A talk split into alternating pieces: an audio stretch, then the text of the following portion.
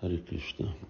Ez egy podcast, aminek a kérdése már régen ül, első az én listám, ez Primarastól van, és azért válaszoltam, eddig meg kellett hallgatni egy kaszettát, amit Prabhupád mond, kellett hallgatni magamat is.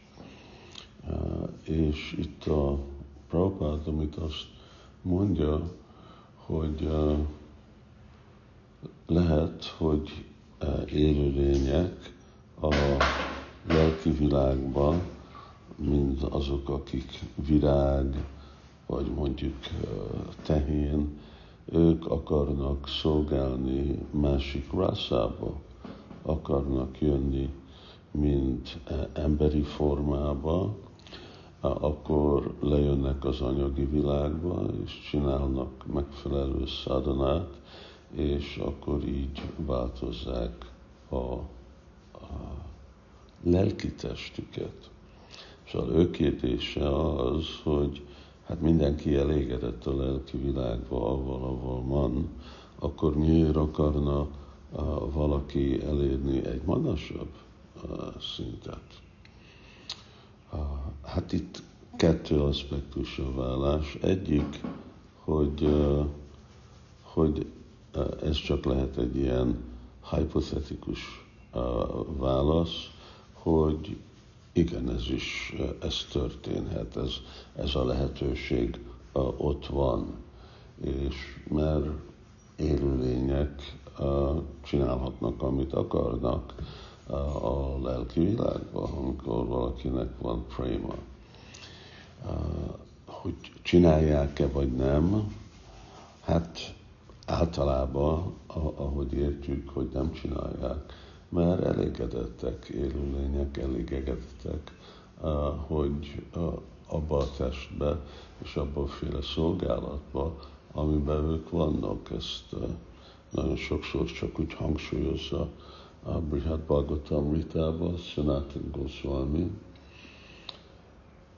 de ahogy Prabhupád magyarázza, akkor uh, látszik, hogy igen, uh, lennének élőlények, akik, uh, akik akarnak. Uh, ők látják, hogy jó, hát én itt szolgálok Krisnát, mint egy virág, de és így tudok lenni Krishna lótusz lába mellett, de ott vannak a tehén pásztor fiúk, akik nem, uh, nem kell nekik uh, várni, hogy Krishna hozzájuk jön, uh, hanem ők követik Krishnát, és mennek, ahol Krishna van, és ahová Krishna van. És akkor valaki teljesen elégedett, de még mindig uh, akar uh, valami mást.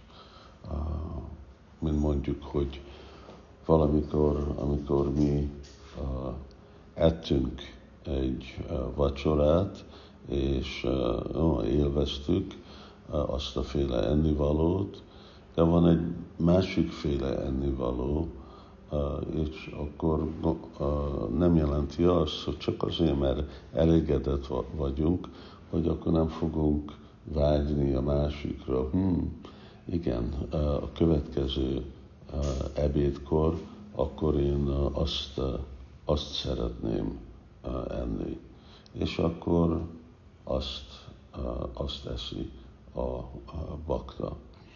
Szóval van, van lehetőség, és hát persze ez meg itt hangsúlyozza egyik aspektust uh, uh, annak a, a kérdésnek, hogy hogy, uh, hogy fejlődik a mi lelki testünk, már van nekünk eredeti, vagy ez a társulás alapon, és így Sila Prabhupád magyarázza, hogy igen, lejössz, és a szadana alapon, ami jelenti, hogy társulás, és hogy mit hallunk, stb., hogy ezzel lehet egy másik lelki testet, lehet cserélni, vagy lehet kultiválni egy lelki testet.